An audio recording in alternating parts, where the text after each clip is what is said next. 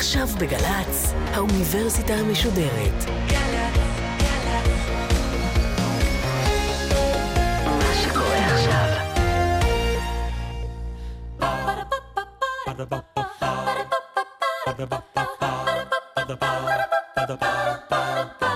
האוניברסיטה המשודרת בשיתוף מיזם וויז מציגה המדען העירום מיטב החוקרים בישראל בשיחה עם בן שני, אחד על אחד, מול קהל. והפעם שיחה נוספת עם הפרופסור דוד אנוך מהחוג לפילוסופיה והפקולטה למשפטים באוניברסיטה העברית בירושלים על הפילוסופיה של המוסר. עורכת ראשית, מאיה גאייר.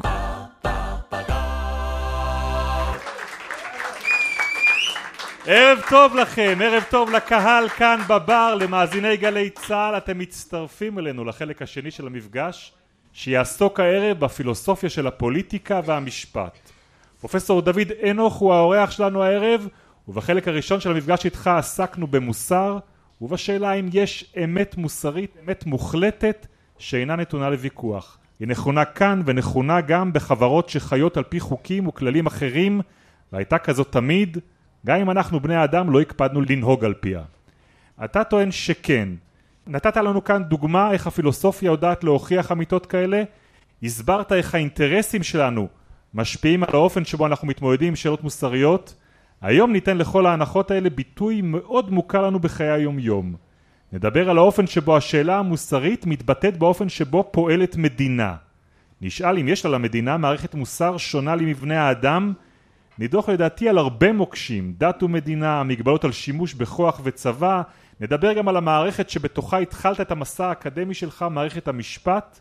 אז בוא נמשיך את הדיון שהתחלנו כאן במפגש ששודר בשבוע שעבר. את הכללים האלה שדיברנו עליהם בוויכוח בינינו, את כללי המוסר, אתה מכיל גם על מדינה? מדינה היא גוף שפועל באופן מוסרי או לא מוסרי? כן. אה, האם אתה נוהג לעיתים לבקר מדינה, לגנות מדינה מבחינה מוסרית על פעולות של המדינה? האם אתה אה, נוהג לייחס פעולות למדינה? ישראל עשתה כך וכך, אה, ארצות הברית עומדת לעשות אחרת. נראה לי ברור שמדינה היא סוג הגופים שמבצע פעולות.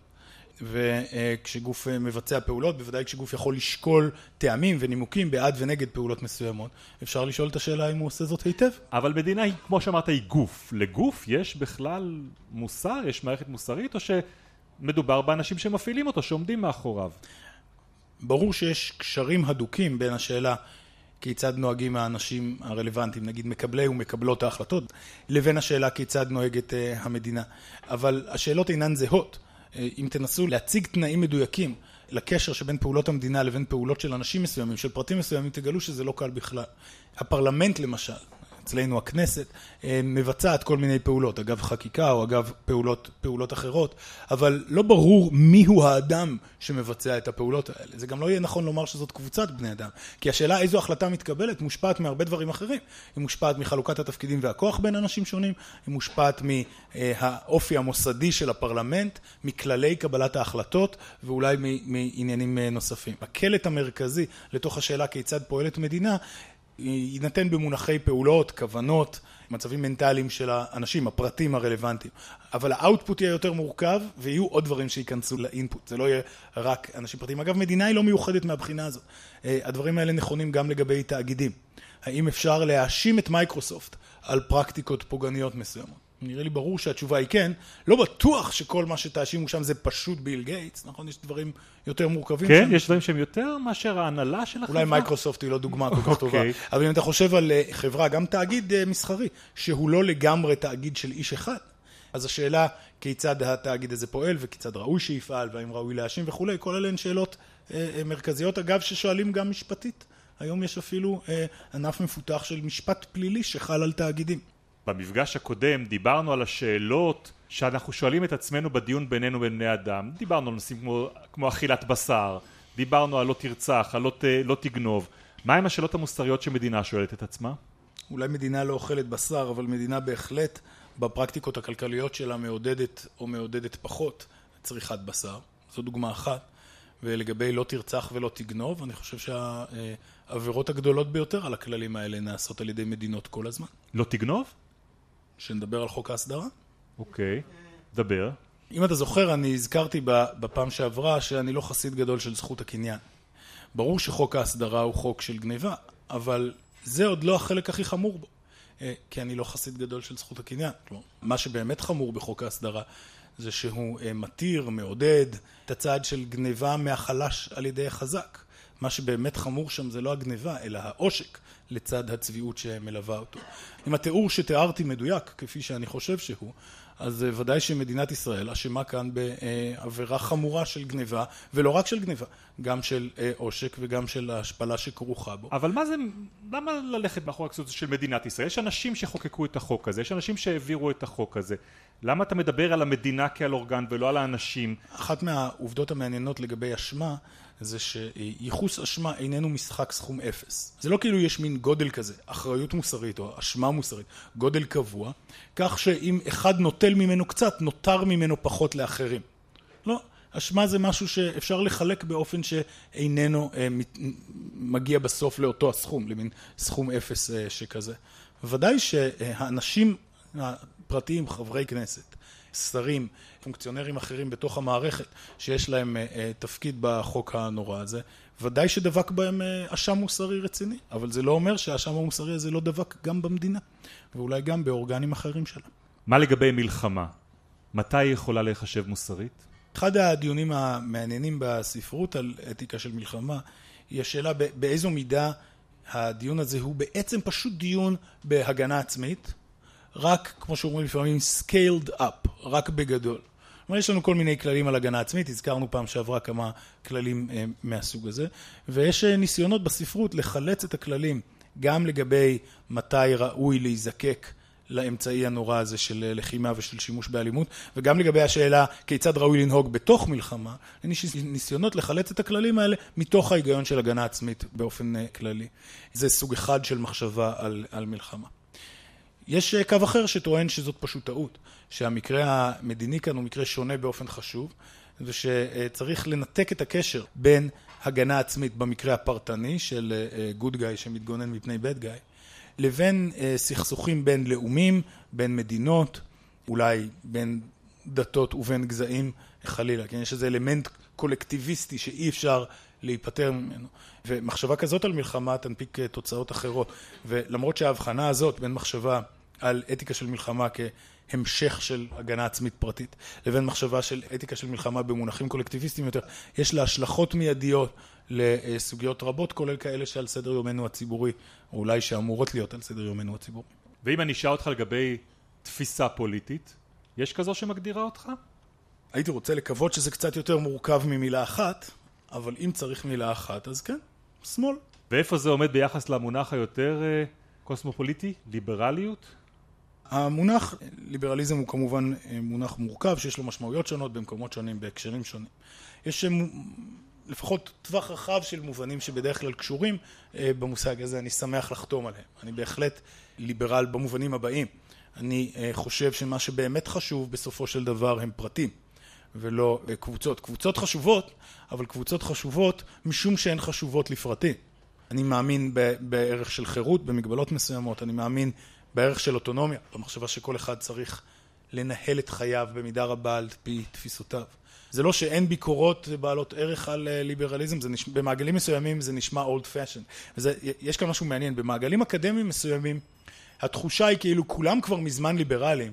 סתם להיות ליברל זה משהו אה, מיושן ועבש, ואנחנו כבר מזמן במאבקים יותר מתקדמים. לעומת זאת בשנייה שבה אתה מוציא את אפך מחוץ לאקדמיה, אתה מגלה שיש לנו עוד כל כך הרבה קרבות על ליברליזם, שהמחלוקות הקטנות האלה בקרב אה, אה, ליברלים ואנשים שמבקרים ליברלים נראות לי אה, מרגשות, מרגשות הרבה פחות. מה עושה המדינה אבל, ומה עושה הליברל בתוך מדינה, כשהוא רוצה לגלות סבלנות מול המיעוטים, והמיעוט בתוכו חי באופן או מקיים מנהגים שהוא לא יכול לחיות איתם. יש כאן סוגיה שהיא באמת כאובה, יש אנשים שחושבים שהיא מפריחה ליברליזם, אה, אני חושב שזאת הגזמה, היא בהחלט אתגר לליברליזם, לעיתים קוראים לה הפרדוקס הליברלי. האופן שבו מקובל לחשוב עליו הוא האופן הבא, נראה שכדי לקחת ברצינות אה, בני מיעוטים מסוימים, אה, כדי לאפשר להם לנהל את חייהם בעצמם, לחיות את החיים שהם רואים לנכונים, צריך לתת להם להתנהל במידה מסוימת של אוטונומיה לא רק פרטית אלא גם קבוצתית. של הקבוצה הזאת. זה נראה נכון. אתה לא יכול לתת להם לספר את סיפור חייהם בעצמם בלי לתת להם לנהל את קהילתם בעצמם. אבל אז אתה מגלה שחלק מהקהילות האלה הן בעצמם קהילות לא ליברליות. יש מעגלים שבהם המילה קהילה נשמעת חמימה ונעימה כזאת. נכון? זה משהו תומך כזה ונחמד, ואני בטוח שזה נכון לגבי קהילות רבות. קהילות הן גם זירה מרכזית של דיכוי. אנחנו יודעים אפילו להגיד מי משלם את המחיר. קודם כל, כמעט תמיד נשים. כשהמדינה היא אה, מפגינה סובלנות לפרקטיקות תוך קהילתיות, לאוטונומיה קהילתית של קהילה שאיננה ליברלית, בדרך כלל אה, אה, נשים משלמות על זה מחיר. אני חושב שמה שיש כאן זה מתח שהוא מתח מובנה לאו דווקא בתוך ליברליזם, אלא בתוך, לא יודע, המצב האנושי. מצד אחד, חשובה לך האוטונומיה של אנשים במגזר החרדי. זה אומר בין השאר לתת להם במידת האפשר לנהל את ענייניהם בעצמם. וזה אומר בין השאר לתת להם לנהל את uh, חינוך ילדיהם במידה רבה בעצמם. אבל אני חושב שחינוך uh, מדכא מינית הוא חינוך מדכא. וחשוב לי מהאוטונומיה גם של הפרטים האלה. עכשיו השאלה היא מה אני עושה כמדינה. נאמר שהכוח בידיי. מה אני עושה? מצד אחד, לכבד את האוטונומיה של הורים חרדים, אבל להגיד להם רק אה, דבר אחד קטן, אני אחראי על החינוך המיני בבתי הספר שלכם. זה לא לכבד את האוטונומיה שלהם. מצד שני, לתת להם אוטונומיה מלאה בדברים האלה, זה כמובן להבין שתהיינה עלויות נוראיות באוטונומיה של אה, ילדיהם. אה, וכאן אני חושש שאין לי תשובה כללית, אני חושב שזה יהיה בלאגן, צריך לנסות לעשות כמיטב יכולתנו. אני חושב שזה בסדר גמור שמדינה תתערב בקהילות כאלה. אני חושב שהכלל המרכזי כאן זה שצריך לעשות את זה היטב. ולעשות את זה היטב זה לא קל בכלל. בין השאר לעיתים קרובות חסר לנו המון ידע. אנחנו לא מבינים קהילות כאלה באופן באמת מספיק עמוק. זה בולט מאוד בהתערבות בינלאומית, אבל זה לדעתי קיים גם בהתערבות בין קהילתית בתוך, uh, בתוך מדינות. לעיתים קרובות התערבות של המדינה, אפילו היא נעשית מתוך כוונות טהורות, מה שלא מאוד נפוץ, בכל זאת היא יכולה להיות מזיקה בפועל.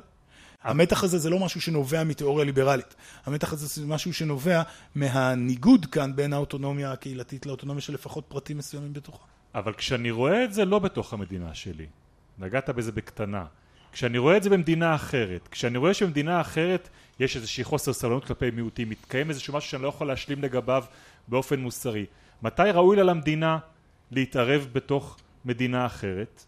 יש כאן טווח שיקולים שאפשר להעלות. אז הנה סוג שיקול אחד שאתה כבר uh, תזהה כשיקול שאני לא מאוד uh, סבלני כלפיו.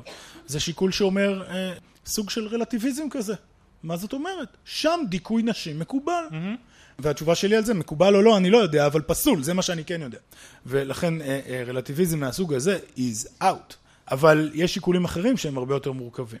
למשל, אם אתה תיכנס ותנסה אה, לעקר פרקטיקות דכאניות מסוימות, לאורך קווים מגדריים או לאורך קווים אחרים, זה לא משנה כרגע, בתוך חברה מהסוג הזה, תהיינה לזה השלכות רבות, תהיה מין ריפל אפקט כזה, יהיו כל מיני גלים, זה משפיע על כל מיני דברים. אה, אתה לא יכול להניח שפתרון שעובד טוב באזור מסוים עובד טוב באזור אחר או בקהילה אחרת, משום שדברים קשורים בדברים אחרים.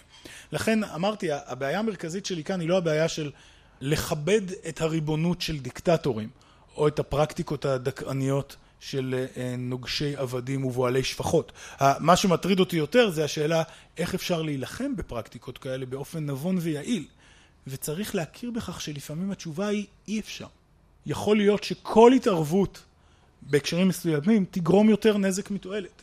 ואז הדבר הנכון לעשות הוא לבכות את האסון לשבת בצד ולקוות לשיפור, לשינוי, אולי לרפורמה מבפנים, אולי לשתוק, כי כל דיבור שלך רק אה, יזיק, מה שקורה לעיתים. אז אני חושב שיש כאן המון מקום לצניעות אפיסטמית, כלומר להבנה שיש כאן המון דברים שאנחנו לא מבינים. אבל בכפוף לזה, לעיתים יש דברים שראוי לעשותם, ואני בוודאי לא חושב שמין אה, כבוד לפרקטיקות דכאניות, כל עוד הן נעשות בחברה אחרת, היא גישה ראויה כאן. ומה היה קורה, או האם ראוי, שלפני שמתקבלות החלטות מהסוג הזה, מי שמקבל את ההחלטות יתייעץ עם פילוסוף? זאת שאלה כואבת קצת. בתחומים רבים אחרים, אם יש מישהי שהיא מומחית לתחום, זה אומר שגם הסיכוי שהיא תצדק בתשובה לשאלות בתחום גבוה יותר, נכון? אה, אם אה, אתה אה, מראיין פיזיקאי או פיזיקאית על שאלות שבתחום התמחותם, ועכשיו אתה רוצה לשאול שאלה כאן, והם יענו לך, אתה תאמין שמה שהם אומרים לך יש לו לפחות סיכוי טוב מאוד להיות אמיתי. יותר טוב מאשר אם תשאל אותי נגיד, משום שאני בור בפיזיקה. השאלה המקבילה לגבי אתיקה היא שאלה מטרידה משהו. נאמר שאתם מוטרדים בשאלה אתית חשובה ואתם באים לשאול, לא יודע, סתם, אותי. האם אתם חושבים שהסיכוי שהתשובה שלי תהיה אמיתית, גבוה יותר, משום השכלתי הפילוסופית, ובפרט משום שקראתי דבר או שניים בפילוסופיה של המוסר? האם אתם חושבים שהסיכוי שאני אצדק גבוה יותר מהסיכוי, נאמר, שבן יצדק? או שמישהו אחר, שאולי אדם חסר השכלה אבל הגון באופן בסיסי, יצדק בדברים מהסוג הזה. אז כפי שאתה יכול להבין, זאת שאלה שהיא כשלעצמה שנויה במחלוקת בפילוסופיה של המוסר. האם יש מומחים מוסריים? ואם כן, מי הם? והאם יש קשר בין מומחים מוסריים לבין אנחנו, אלה שעורכים דיונים פילוסופיים בשאלה אם יש מומחים מוסריים. אבל זה קורה לפעמים, אנחנו שומעים שמגייסים פילוסופים לנסח קודים אתיים בכל מיני מקומות. מה דעתך על זה? אגב, אני לא בטוח שקוד אתי הוא אה, אה, בכלל רעיון כל כך טוב אה, בהקשרים כאלה. יש, יש אולי הקשרים שבהם, שבהם זה כן נכון, אני לא יודע. אה, ניסויים בבתי חולים, בבני אדם, אולי מן הראוי שיהיו כללים ברורים למדי, אבל הנה שאלה אמפירית מעניינת, למחקר במדעי החברה. קח ארגון, למשל צבא, בדוק עד כמה הוא מתנהל באופן הגון. התשובה תמיד תהיה, זה מורכב, אבל ננסה לפרט קצת יותר. עכשיו נסח קוד אתי. לא הקוד האתי שיש, הקוד האתי שאני אחתום עליו. ערוך שיעורים בקורס הקצינים שלך, ואבחן שוב עד כמה הארגון מתנהל באופן הגון עכשיו. אני מוכן להמר כסף על זה שהתשובה תהיה בדיוק אותו הדבר. אני לא חושב שקוד אתי מהסוג הזה משנה שום דבר. יש דברים שמשנים, בוודאי, רוח המפקד משנה, זה מה שמשפיע על ארגון, וזה משפיע באורח משחית ומסוכן אנחנו רואים את התוצאות בשטח, בלי קשר לשאלה מה כתוב איפשהו באיזשהו מסמך שאיזשהו פילוסוף אוהב לספר לעצמו שהוא עושה הבדל.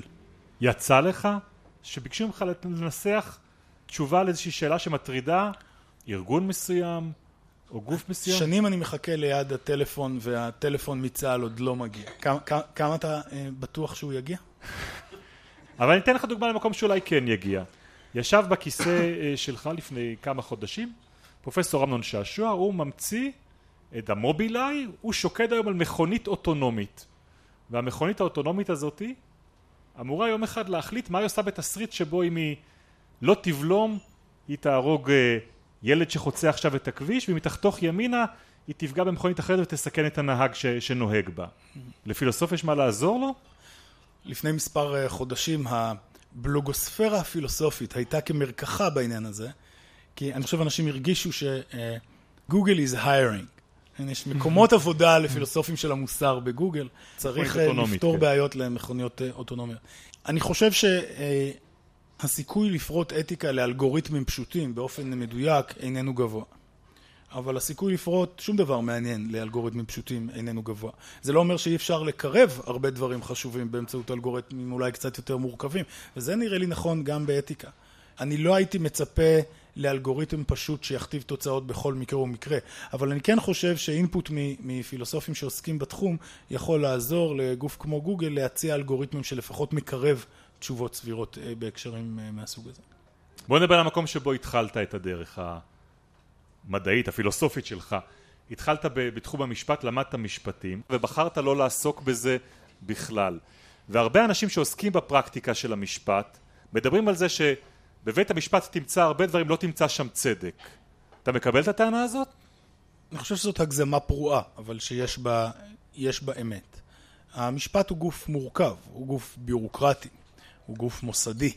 אמ, זה לא מצב של אה, איזה מין אה, שלמה כזה, שהוא החכם מכל אדם והוא פשוט יודע מיד מה ראוי בכל מקרה ומקרה. המשפט מתנהל וחייב להתנהל גם על פי כללים ועל פי חלוקת סמכויות וכל מיני דברים כאלה שאינטלקטואלית הם אולי מאוד משעממים, אבל שפרקטית ראוי שיהיו שם ושיעשו אה, באופן אה, נכון ובאופן אה, מועיל וכזה שמקדם בין השאר שיקולי צדק מסוגים שונים. אני חושב שהמשפט לעיתים קרובות עושה צדק, אבל הוא עושה צדק מרחוק, לא באופן מיידי, אלא באופן שהוא מתווך מוסדית. אני חושב שהוא ראוי שהוא יעשה את זה, לעיתים קרובות הוא עושה את זה גם. אני חושב שרבים בתוך המערכת המשפטית, רבים ורבות, משווים לנגדם תמיד את המטרה הזו. אני לא עושה פרקטיקה משפטית, אבל יש לי כבוד אדיר לאנשים שעוסקים בתוך הפרקטיקה הזאת, כעורכות וכעורכי דין, כשופטים ושופטות, גם, גם בתפקידים אחרים, שמנסים לעבוד בתוך המערכת הבירוקרטית והכבדה הזאת, כדי להשיג תוצאות אה, אה, ראויות מוסרית. כשקורים מקרים כאלה, יש, יש עורכי דין כאלה רבים בארץ, שעושים אה, מלאכת קודש בעניינים, בעניינים רבים, וכשאני חושב עליהם, אני לא חושב מנקודת המבט של התיאורטיקן המופשט שמסתכל מלמעלה על הפרקטיקנים שרצים כעכברים במבוך, אלא בהערצה רבה על מי שמגייס את הספינה הזאת, הענקית של המשפט, המסורבלת, ומנסה להסיט אותה לכיוונים יותר ראויים. אבל ביום יום הרבה מהם מוצאים את עצמם נמצאים במסדרון של בית המשפט וסוגרים עסקת טיעון, והביטוי של לעשות צדק הוא להכניס אדם לבית הסוהר. בואו נדבר רגע על ענישה, על העונש, לכלוא אדם. אז, אז ראשית חשוב לי לתקן אני חושב טעות נפוצה לפחות בקרב מי שאינם משפטנים לגבי, לגבי הקשר שבין המשפט למשפט הפלילי. בדרך כלל כשאנחנו חושבים על המשפט אנחנו ממהרים לחשוב על המשפט הפלילי. זה לא מקרי ששאלת אותי על, על ענישה. והמשפט הפלילי הוא כמובן חלק חשוב במשפט, אבל הוא חלק אחד ולא כזה גדול. כשמסתכלים על נגיד נפח העיסוק המשפטי, העיסוק הפלילי הוא חלק ממש קטן מהעיסוק המשפטי. אז אפשר לעשות הרבה דברים טובים באמצעות המשפט, בלי קשר אה, למשפט הפלילי דווקא. יחד עם זאת אני מסכים שהרעיון של אה, ענישת אה, עבריינים ובפרט אה, כליאתם ואולי, ואולי גם הפקעה של זכויות אחרות שלהם הוא בהחלט אחד מהמקומות המרכזיים שבהם אדם בא לידי מגע עם הכוח, ה, נאמר הכוח הגס, הנקי של המדינה ולכן שחשוב להכיל שם בלמים מוסריים אולי יותר אפילו מאשר במקומות אחרים. פרופסור דוד אנוך, יש לנו פה קהל בבר הזה שנקרא אתמול שלשום בירושלים, לדעתי ברגע הזה כבר, יש גם שאלות שאנשים ירצו לשאול אותך כאן? כן. כן. אה, מעיין. שאלה קצת ישנה, אני אקח אותה לפן האישי. אני חושב שבכל התקופה האחרונה אה, הפילוסופים קצת איבדו את... אה, קצת איבדו את הקהל, זאת אומרת, אני חושב שהיום הזירה הציבורית מושפעת הרבה יותר החל מדמויות מופת כמו בן אל וסטטיק ובר רפאלי וכלה במקרה הטוב בדמויות כמו גרוסמן או, או, או אחרים. בעיניי אתה את הרחוב אה, אה, איבדת, או כפילוסוף כאילו כבר מחוץ לזירה המרכזית של ההשפעה בעיניי. אה, מעניין אותי אם זה, א', אם אתה מזדהה עם זה, ב', אם זה בכלל מפריע לך. אז בוא נראה. אני מסכים עם חלק ממה שאמרת ולא עם, ולא עם הכל. אני אתחיל מהנקודה הכואבת, ודאי שזה מפריע לי. השאלה מה לעשות בעניין היא שאלה אחרת, אבל ודאי שזה מפריע לי. אתה תיארת את זה כאיבדתם את הרחוב. התיאור הזה, אם יורשה לי להתפלסף שנייה, מניח שפעם היה לנו הרחוב.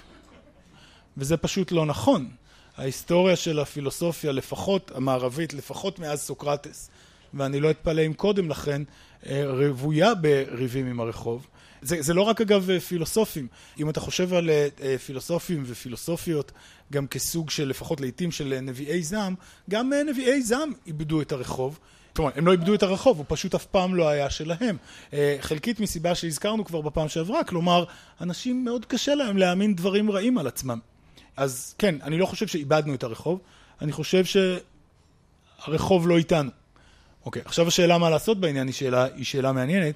יש כאן כל מיני דברים ש, שאולי אפשר לעשות, אפשר למשל אה, להיענות להזמנה לדבר בבר ירושלמי אה, אה, כשהדברים גם משודרים מעל גלי האתר, אני בטוח שזה יוסיף עוד ארבעה אנשים בערך למי שמקשיב לי, אה, באחוזים זה נשמע יותר מרשים. אבל, אה, אבל זה בכל זאת, אה, זה בכל זאת המצב. השאלה אם אפשר לעשות דברים אחרים היא שאלה אה, מעניינת. אגב, לא הייתי ממהר לזלזל בחלק מהדמויות האחרות ש, שהזכרת. אז uh, הזכרת את uh, בר רפאלי, שיש לה התבטאויות לדעתי נוראיות בעניינים מסוימים, וגם מרשימות ביותר בעניינים אחרים.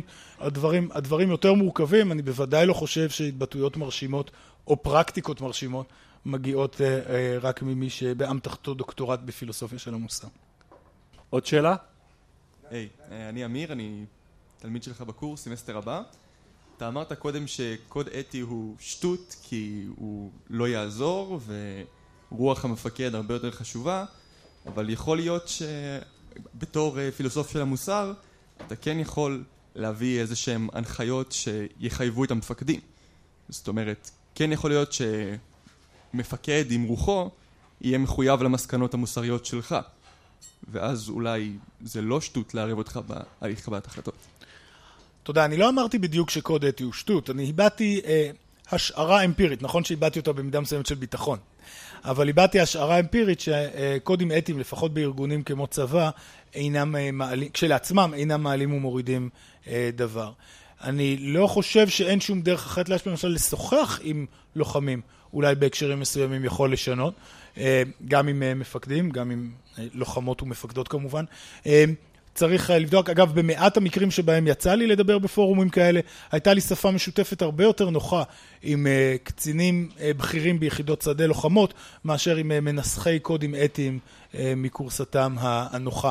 אבל הדברים האלה הם, הם כמובן מורכבים. אני כן רוצה לציין אבל נקודה אחרת. הזכרתי כבר שאני לא בדיוק אה, מצפה בחוסר נשימה לטלפון שיגיע אה, כדי לגייס אותי למאמצים מהסוג הזה. יחד עם זאת, אילו היה מגיע הטלפון הזה, הייתי מתייצב. והייתי מתייצב משום שהייתי חושב שזו חובתי לפחות לעשות כמיטב יכולתי ולו להשפיע בזירה אה, מצומצמת ובאופן מוגבל. אז שוב, למי שמתייצב ועושה מאמצים כאלה בכיוונים הנכונים ובאופן נבון, יש לי הערכה מלאה גם אם התוצר בסוף מוגבל בכל מיני דרכים. פרופסור דוד אנוך, לקראת סיום, יש לנו סבב של שאלות שהתשובות עליהן אמורות להיות מהירות. אתה יודע לעשות את זה, נעשה במילה אחת, כן? משפט קצר. על איזו סוגיה מתנהל היום הוויכוח הפילוסופי הכי סוער בזירה? אוקיי, רגע, לאו דווקא מתחומים שלי או מעבודה שלי, נכון? באופן, באופן כללי יותר. אמ, האם תוקף משפטי הוא פונקציה רק של עובדות חברתיות היסטוריות, או גם של תוכן מוסרי? זאת שאלה מרכזית בפילוסופיה של המשפט. האם כל קבוצה של דברים היא בעצמה דבר? זאת שאלה אה, במטאפיזיקה, למשל. אוקיי. Okay. האם חשוב כשאנחנו מגבשים האמנות, לגבש האמנות אמיתיות ורציונליות ומוצדקות? או האם חשוב גם שהאמנות שלנו יעלו כדי ידיעה? ומה ההבדל בין ידיעה לסתם האמנות מוצדקות אה, ו- ורציונליות. זאת שאלה מרכזית באפיסטמולוגיה. האם מספרים קיימים? הופה. האם, האם מספרים, ובאופן כללי יותר אובייקטים אבסטרקטיים, הם דברים שבאמת קיימים? האם הם קיימים באותו מובן שבו פלנטות וחיידקים קיימים, או שהם קיימים באיזשהו מובן אחר? מה זה בכלל קיים? זה ויכוח סוער, אתה אומר. אתה יודע, בשלולית. באיזה ויכוח פילוסופי מצאת את עצמך לאחרונה חסר תשובה? כתבתי ספר במטאטיקה. כותב ספר, לפחות ספר כזה, אתה מציג עמדה חיובית. אתה חושף את עצמך לביקורות. ואם יש לך מזל, אז יש גם אנשים אינטליגנטים שטורחים לקרוא ולבקר. כמה מהביקורות האלה הן ביקורות שלא הייתה לי תשובה, לפחות לא משביעת רצון אליהן, לעת עתה. Okay. אבל אוקיי. אני עובד על זה. מה הוויכוח המוסרי שאתה מנהל הכי הרבה ביומיום. ויכוחים פוליטיים בשדה הציבורי הישראלי העכשווי. מה הוויכוח המוסרי שהכי היית רוצה להוכיח את צדקתך לגביו? חוץ מאלה שכבר הוכחתי את צדקתי לגביו? אה, דיברנו קודם על אה, מטרה פוליטית ומוסרית של קצת פחות כאב, קצת פחות סבל, קצת פחות השפלה. אילו הייתי יכול לשכנע בחלק מהדברים האלה, היה די לי בכך. שאלה אחרונה לערב פרופסור דוד אנוך, מה דעתך על המשפט אל תהיה צודק, תהיה חכם. אני חושב שהמשפט הזה נתבע מתוך מטרה לעשות שינוי מסוים בהתנהגויות של אנשים. האם אה, משפט כזה יכול להצליח? זאת שאלה מעניינת. ואם הוא יכול להצליח, להקטין מידה מסוימת של סבל שנגרם כתוצאה מנהיגה אה, אה, לא, לא נבונה, אז מצוין. אבל כשמאמצים אותו לתחומים אחרים, ואתה מוצא את עצמך פוגש אותו? כלומר, כשמתייחסים ברצינות לתוכן שלו? כן. אל תעשה את זה. אני לא חושב שהתוכן שלו ראוי אה, אה, ליחס אה, רציני. כשאומרים שם אל תהיה צודק, הכוונה היא לא אל תהיה צודק. הכוונה היא, זה לא מה שבאמת חשוב, מה שבאמת חשוב זה להיות חכם. אני חושב שהתגובה האינטליגנטית היחידה היא, שני הדברים חשובים, ואם אתה יכול להיות את שניהם בבת אחת, זה יכול להיות מצוין במיוחד. פרופסור דוד אנוך, תודה רבה רבה רבה לך. עד כאן. הסמסטר הרביעי של המדען העירום. איפה היינו בסמסטר הזה? עסקנו בדיכאון ובהתאבדות. דיברנו על השעון הביולוגי, על חוש הריח והמוח, על רובוטים סקרנים, על ננו-טכנולוגיה בשירות המלחמה בסרטן. כל המפגשים האלה ועוד עשרות אחרים מהסמסטרים הקודמים זמינים באתר גלי צה"ל או בעמוד שלנו ב SoundCloud, חפשו שם את המדען העירום. אז נתראה בסמסטר הבא, לילה טוב.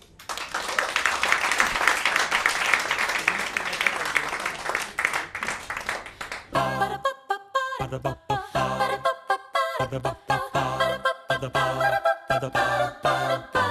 האוניברסיטה המשודרת, המדען העירום. בן שני שוחח עם הפרופסור דוד אנוך מהחוג לפילוסופיה והפקולטה למשפטים באוניברסיטה העברית בירושלים על הפילוסופיה של המוסר. עורכת ראשית, מאיה גאייר. עורכות ומפיקות, אביגיל קוש ותום נשר. ביצוע טכני, בני יהודאי ודניאל שבתאי. מנהלת תוכן, מאיה להט קרמן. האוניברסיטה המשודרת, בכל זמן שתרצו באתר וביישומון של גל"צ, וגם בדף הפייסבוק של האוניברסיטה המשודרת. Bye.